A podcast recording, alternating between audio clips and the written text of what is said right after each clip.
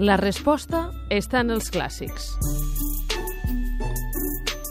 I la resposta està en els clàssics, la fem amb el Joan Santanà, que és doctor en filologia, ell és editor de l'editorial Barsino, professor de la universitat, i avui ens porta un fragment de l'Osomni de Bernat Metge, que ens parla sobre la impaciència. Correcte. Ens llegeixes aquest fragment? Ens poses en context en el fragment? Us poso el context del fragment abans si entendrem de què, de què va. El fragment parla de d'Orfeu, que és aquell músic famós que va baixar a l'infern eh, per anar a recollir eh, Eurídice. Hm?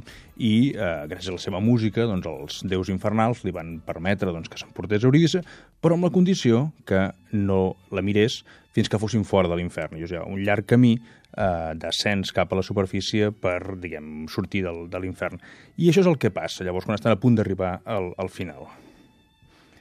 I llavors, tots dos van emprendre el retorn, i quan avançaven per un camí tortuós, llarg i obscur, en arribar a la part més alta del marge d'una cinglera pregona, molt a prop de la sortida de l'infern, de por que ella defallís, i perquè em delia per veure-la, em vaig girar, i tot seguit ella caigué. Vaig estendre els braços per agafar-la, però no van tocar sinó l'aire mogut pel seu cos en caure. Vaig voler tornar a l'infern per recuperar-la, i set dies vaig romandre a la porta sense menjar ni beure, amb la meva tristor i les llàgrimes com a únic element. I suplicava a Cerber que em deixés tornar, però no en volgués saber res de mi. El preu de ser impacients. La impaciència, que ens fa de perdre coses, la impaciència. Però que molt sovint, petits i grans, quan, ens, quan ens diuen no feu això, el que més tenim ganes és de fer-ho, no?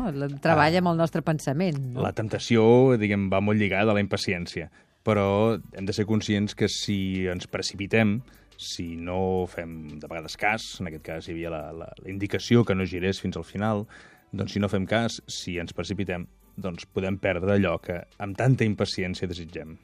On ho podem trobar, això?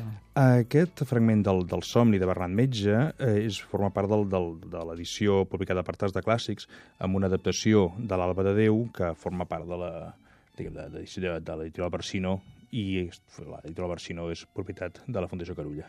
Doncs moltes gràcies, Joan Santanac. A vosaltres.